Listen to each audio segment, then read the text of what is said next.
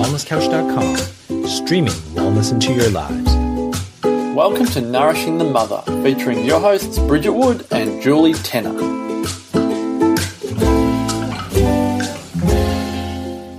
Hello and welcome to Nourishing the Mother. I'm Julie Tenner. And I'm Bridget Wood. And before we jump into this week's topic, uh, we do just want to mention that we have opened up Aligned Parenting, which actually kicks off this week, and we're extending registrations for that until Friday this week. Because we've had a bit of a mess up with our back end system. We have. We? have realised some of that our, some of our most special people have not been getting our emails for the last two months. So some of you may not have realised that we're running this course so soon.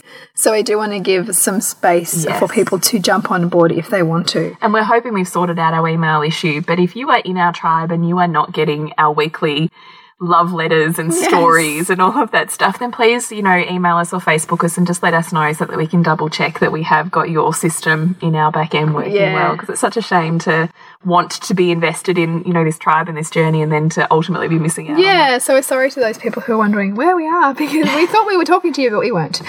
so, so yes, if you want to jump on aligned parenting, there's a couple of days left to do so. And you can have a look, if, if you don't find it in your emails, you can have a look online at nourishingthemother.com.au forward slash online programs and you'll see aligned parenting there. Great. So today's topic is um, probably a bit of a painful one. It's going to ultimately start with a story of Bridget's and we'll move from there. And it's called I Don't Like You As Much as Daddy.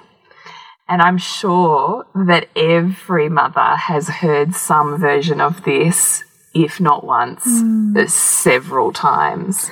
So we just thought, what a great place because, you know, the pain is always able to be transformed. Mm. And that's certainly what I'd witnessed in you, Bridget. So I'd love for you to just enter the vulnerability and the and the softness with that story in mm. which you had told it to me and then we'll kind of open it up from there for our listeners. What do you think? Yeah, and I love that you've said, you know, that couple of those words there, like pain and vulnerability and softness, because I, am still feeling all of these yeah. feelings. Like, I, this has literally happened in the last hour before we've started recording. Um, and and so I'm still kind of processing it. But even on the drive to meet up with Jules, I was like, oh my God, like, I, so many pennies have dropped for me. So I'd love to share some of this with you and, and hash it out. Yeah. Um, but so we arrived home from our um, holiday to Bali kind of like 24 hours ago. And and it was a really beautiful time. It was incredibly connected family time, but but you know, I was very much attached to my daughter. Like she really needed to be fed a lot. We co-slept, you know, the whole time, and I was wearing her. We didn't have a pram, so it was you know super super connected. Um, and so in turn, I think that probably it wasn't so connected with my son. And and today he's been a little bit funny with me. Like he hasn't wanted to engage much, and he's been a bit distant. He's given, been giving me some looks as if to say, "I've got stuff here, but it's not safe to tell you about, so I'm just going to bottle it up." And what do you mean by looks?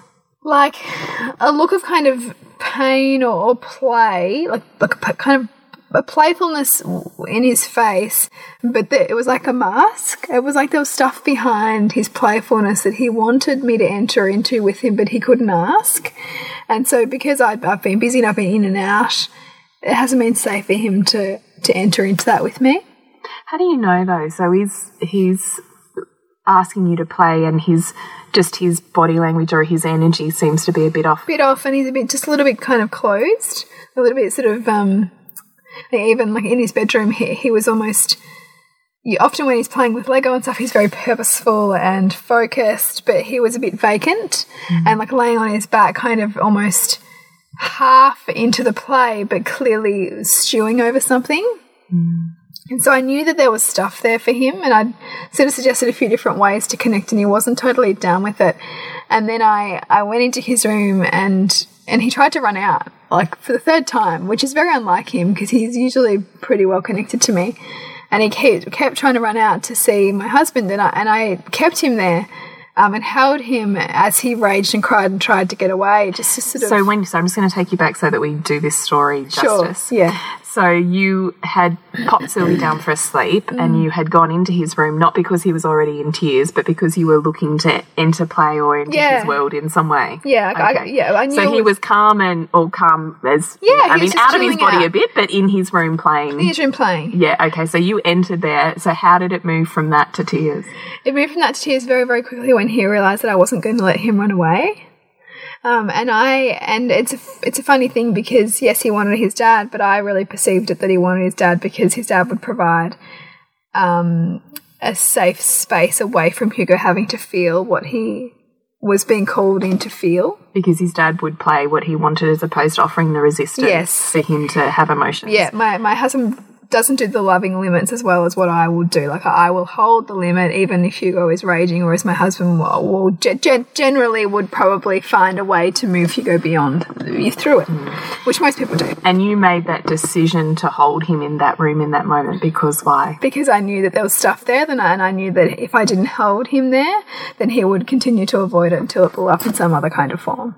Um, I knew that it was there, and I also know that he, um, the, the desire to run away, and whenever he says to me, like, go away, or doesn't want to be around me, the language really is, I need you, but I don't know how to tell you that. Like, I'm, I'm feeling a wounding here, um, and I don't know how to ask for it. I mean, that's all, it's the same thing that we often do in relationships with our partner. Like, when we shut down or want, or want to be away from whatever we're in with them, it's because we're too hurt to open up. And that's what my son was, was playing out. And so anyway, he got away from me and he went and ran into the kitchen and, and saw my um saw my husband So he's done this run away from you and into the kitchen crying now. crying now, like right, you're really upset. And so my husband picks him up and you know kind of cuddles him and listens to him and and I'm right there, sort of still trying to connect and talk to him and and and he kept saying to my husband, "I don't want mummy." And and Marcus is like, "Oh, you know, why is that? You know, what's going on for you, bud?" And and he said, "I don't love mummy as much as I love you."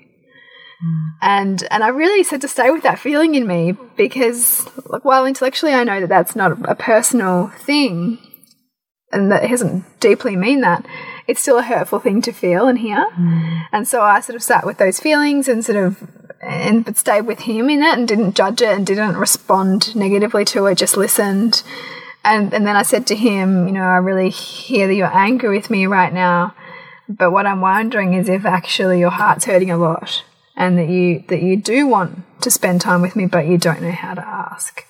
Um, and I said some words around that. They weren't particularly choice. I think I was probably pretty emotional um, in, in myself to be able to come up with the right way to communicate with him. But ultimately, he then hopped down, and Sylvie was awake at this point, so he wanted to go and have a cuddle with Sylvie. At which point, I then allowed myself to feel all the feelings that were coming up for me around feeling disconnected to him, feeling not wanted, um, really just feeling rotten in myself and like I didn't matter. And then I thought, and I think now as I say these words, he was setting me up to feel the exact way that he was feeling. That's what he was doing. And and I was staying with those painful feelings long enough to feel them all rather than run away from them. And I felt them all. Like I, I kind of collapsed into my husband's arms and he listened to me while I cried. And when Hugo was over playing with Sylvie, like trying to connect to her. And then I moved over, like once I'd kind of come back into myself a bit more, I moved back over to where he was with Sylvie. And he kept saying to me, you know, don't cuddle me, cuddle Sylvie. And saying all these words as if to say that, that you don't need me, you've got Sylvie. I kept saying, no, I don't want to cuddle Sylvie, I want to cuddle you. He's like, no, no, cuddle Sylvie. I said, oh, I wonder if you're feeling a little bit um, like I spend too much time with Sylvie. And he looked at me and and more emotion welled up for him. And I said, oh, I said, oh, it looks like that might be something there for you that you feel like I, I have more time for her. And he's like, yeah, cuddle Sylvie, which is his way of saying, give, you know, she's here, just give it, give it to her, give her the connection. And then I said to him, do you think that I love Sylvie more than I love you? And the floodgates opened. Like he just bawled and bawled, and I, and then I started crying mm. because I thought, wow, he is feeling so disconnected from me that he feels like I love his sister more than I love him, right? And all of those same feelings that I'm feeling up within my body are all the feelings that he's got that he doesn't know what to do with. And he's feeling disconnected to perhaps the most important person in his world.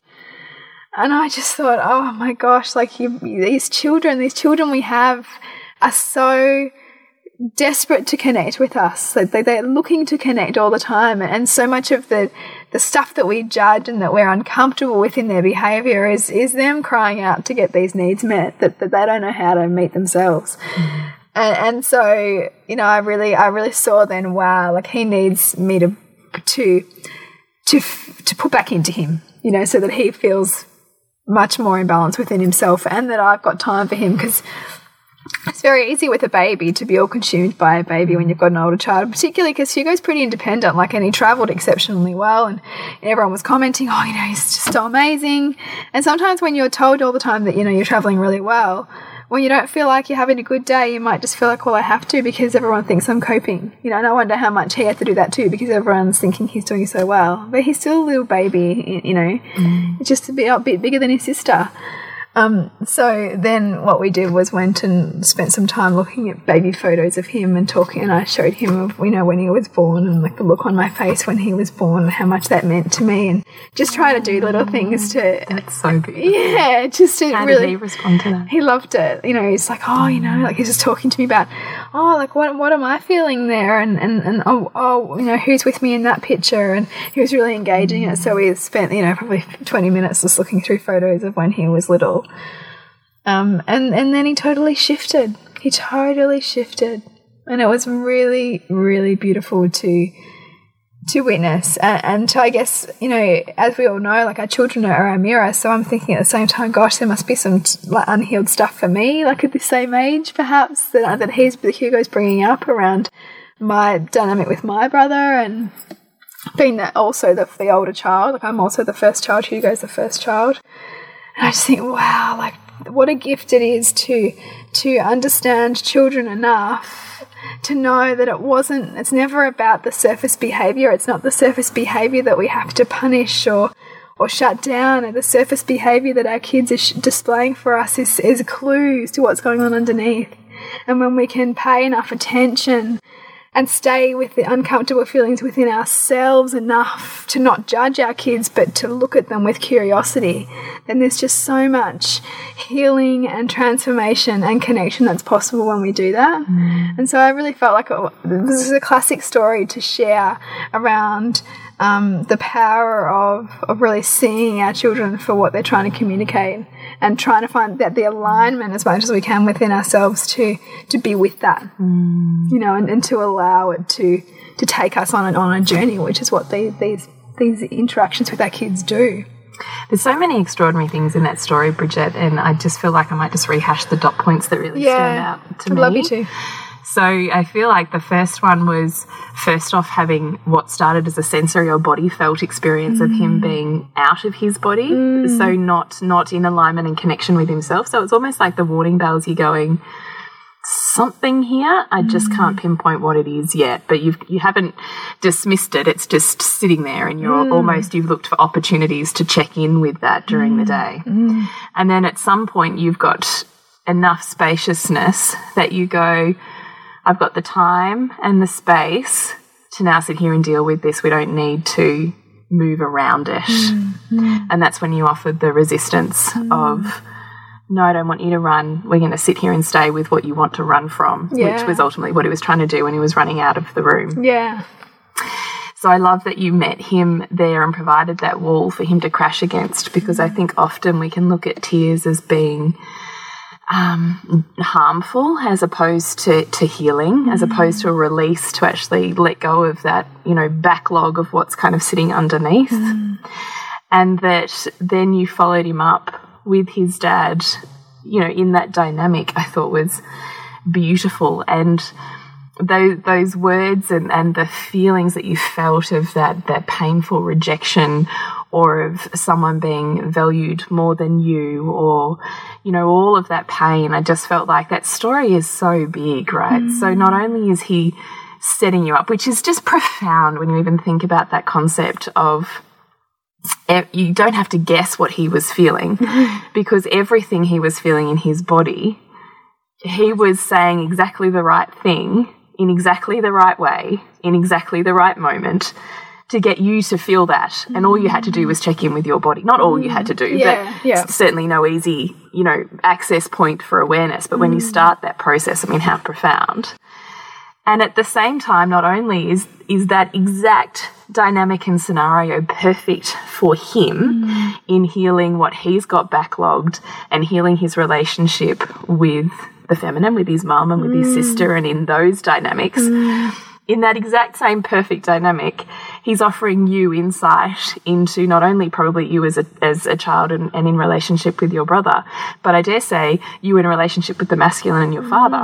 Yeah. Yeah. So these feelings of not being wanted or being rejected mm. or not being seen and felt, like those ripples are just so big. It's huge. It just blows my mind how profound this parent-child dynamic is, mm. and it is. It's not e even the first thing we think about. No. It's those, you know, those webs are so much more interlinked than what we even first mm. consider relevant, which is what I find extraordinary. And I know you do too about this parent-child ah. Oh. dynamic. I mean, it's just amazing. And, and the classic thing is, you know, that, that staying with that, like the pain that was coming up for me, staying with that means that I'm rewiring my own brain. I'm rewiring my perceptions of my own past to no longer need to experience that because whenever we lean into pain, it no longer becomes painful.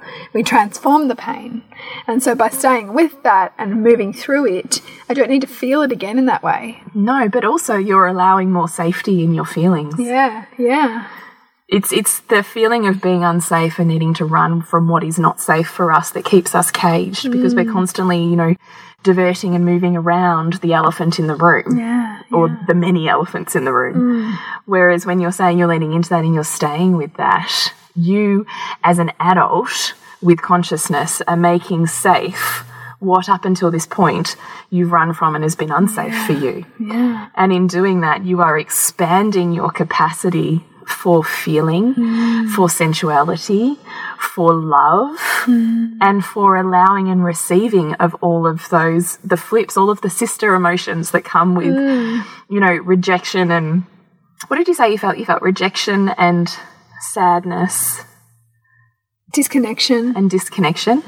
So the sister polar opposites of each of those in sitting and leaning in and making them safe and okay for you to, to be with and experience in your body allow exactly the same capacity for the other mm. side of those. Mm. They allow more space for connection Yeah. and all the ways that that comes in that you previously you will now be more aware to connection than what you mm. ever have before.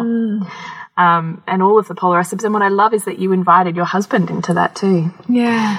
Because I would say, you know, he's a pretty standard bloke in emotions, right? He's no conscious man awakened soul that you and I giggle about all of the time. Exactly Yeah. like my husband. But this is when we realize that it is us that holds us back from allowing them in. It's not mm. that they are or are not something. They're always there. And in that moment, you've allowed him as the masculine to provide for you, to mm. hold safety, to hold space, to help you as a woman, as the as the feminine, to, to be the protector and holder of that space. Mm. And by allowing him, he stepped up to it. Yeah. He was never not there, right? Not saying that you have No, an no, issue no, with it. and, I, yeah, and it's and I mean it's beautiful, really, because he, he he has grown so much, and because I've grown so much, and and as I've grown in my willingness to stay with the big feelings, so has he. yeah, exactly. And he's he's less needing to fix. Although ultimately, as all this was playing out after I moved over and like left him, he cooked this most elaborate, delicious lunch for us all. You know, so, but so how nourishing. oh, super nice. his values, his values, showing of love, provide. Yeah, I mean, no, you know, all of that. So he's doing all that in the background as we're playing this whole thing out, and then of course I've just left there. And they're all sitting up at the table happily eating, and Hugo is most divinely connected to himself once again, Mm-hmm. you know, yelling out, Good my mummy, I love you, you know, like all of that stuff. And, and that's, I just, I bow to what's possible when we step into those uncomfortable feelings that our kids bring up for us, because on the other side of being with that discomfort um, is the freedom and connection. isn't it? Mm. What I also love, the last point that I thought I would make that I loved about your story was that when you went back to Hugo and checked in with him, I mean, he's still looking to avoid the deep pain. So even in him saying, no, cuddle Sylvie, that's because he knows when he enters a cuddle with you that his protective mechanism is gone right? Now he's, he's he would just be a, a mess. He's mm. open he's vulnerable. It's it would be what he is most craving. And so therefore wasn't feeling ready at that point to do that. Mm. So i also love that you stayed with him in there long enough and that you followed the breadcrumbs of emotion. So mm. you were checking in with him. I wonder if you're feeling this. Mm. I wonder if this is happening for you so that he can start to have words that connect how his head and his heart are feeling. Because mm. I think mm. that's where our kids struggle the most is how their bodies are feeling versus how their heads are feeling and yeah. they don't if they haven't seen it role modeled and, and have words and vocabulary as they grow to put those two together, mm. that's when they grow up into really destructive patterns. Mm -hmm. So, in offering that, instead of avoiding it, you looked for, oh, hang on, there was a crumpling of the chin or there was a welling of the eyes. Mm. I'm going to go a step further there because I know mm. when I go a step further, I'm allowing him the opportunity to pull out the roots of what's yeah. there, right? Yeah. Which is exactly what you did. And I just thought, what a beautiful opportunity for him to really feel safe mm. when what he he was trying so hard to you know stay in his protective mechanism of defensiveness. Mm. Mm. I mean, how amazing! So amazing. So you know, I just I really honor exactly what you what you did today and what you went through and the the softness that comes with that mm. and you know you will notice profound stuff in the next few days mm. as that because not only has that happened but you've now allowed, allowed, the floodgates to open more so to speak in more feeling and more connection and you know all of that that we talked mm. about so there'll be more you know sparking moments oh my god i just connected this oh my god i just realized mm. that you know and all this downloading of information that previously was was mm. not and i can and i can totally see how i set it up to happen today because i really felt like you know, having come back from this family holiday, that my heart had really opened up to a next level of connection with my family. So, mm. opening up to that to that level of feeling also opens you up to holding the, the spectrum of feeling within That's within right. those connections within those relationships. And you know, on some level, Hugo has sensed that I'm ready for that. You know, that I was able to go into that place with him when when perhaps other times he's tried, I haven't been there for him. Mm. Haven't been there to meet him where he needed me to meet him because kids are always looking for ways and always. you know sometimes we'll meet them there and other times we won't. But yeah. it doesn't go away. It just comes comes back again when we're ready for it. Which I actually feel like as opposed to feeling like oh my god i've messed it up or i've messed them up or i've missed my opportunity or whatever what i love about that is that our opportunity is has never gone. It's never mm. it's never passed. It's never too late. It's you have constantly because of this this stacking and storing mechanism that we all have as humans and mm. certainly as developing children you never lose an opportunity to heal. Mm. So if not now, because you're not feeling in capacity or spaciousness or, or have even, you can't look back and judge how you were, you know, five years ago because you didn't have the awareness that you yeah. now have in order to hold what needs holding. Mm. You couldn't have done it. So I just feel like it needs to also be, as opposed to feeling defeated by the, the hugeness of what's being called on you to see that you are always ready for whatever's in front mm. of you, mm. and that opportunity will never leave. Mm. As long as you're willing to show up, it will show up. Yeah, yeah. You know, and I just, I, I like you just bow at the altar of what this parent child dynamic mm. can really be mm. and what is possible for both ourselves and our children as just developing and growing individuals i think is, is it's, amazing it's just remarkable every interaction that i have like this and i probably haven't had as many like this since louis come along i guess because you know more more on my plate and more relationships to navigate and things to do the, the, the, whenever I do have these moments with my son, I mean, some of the most cathartic times with him have been these most um, painful as well. Mm. You know, because that's what that, that's on the other side of the pain. Mm. Mm. Absolutely. So, is there anything you want to leave our listeners with? Any piece of something yeah that comes out from you if you, if you can keep the keep in mind the the truth that our kids are setting us up to feel what they feel and and and that, that if we can bear to stay with that, just maybe it's only a moment longer than what you normally would, but a moment longer to perhaps feel into that discomfort that's coming out for you. Mm. And trust that it's not necessarily what you need to run from, but perhaps something that you can simply observe and be curious about. And and let go of the need to to get personal about it, about anybody making you feel that. You know mm-hmm. that that your your child being some instigator of something that you need to quash or not face, but in fact them helping you to build your understanding of their world and in turn your own internal world and your own backstory that you perhaps don't have consciousness around. Mm. Just be curious and be gentle. Yeah, we, we posted. I posted this um, really great, great kind of thing on Instagram today, and and it's just so true. And going to go easy on yourself. You are clearing thousands of years of outdated conditioning, because that's so much of of what we store within us is the stories of our own upbringing, and then epigenetically the generations before us, and and it's about instead of running from the wounding parts, how do we lean into those a bit more and create the space for healing? And that's what this work is doing for us and for our children.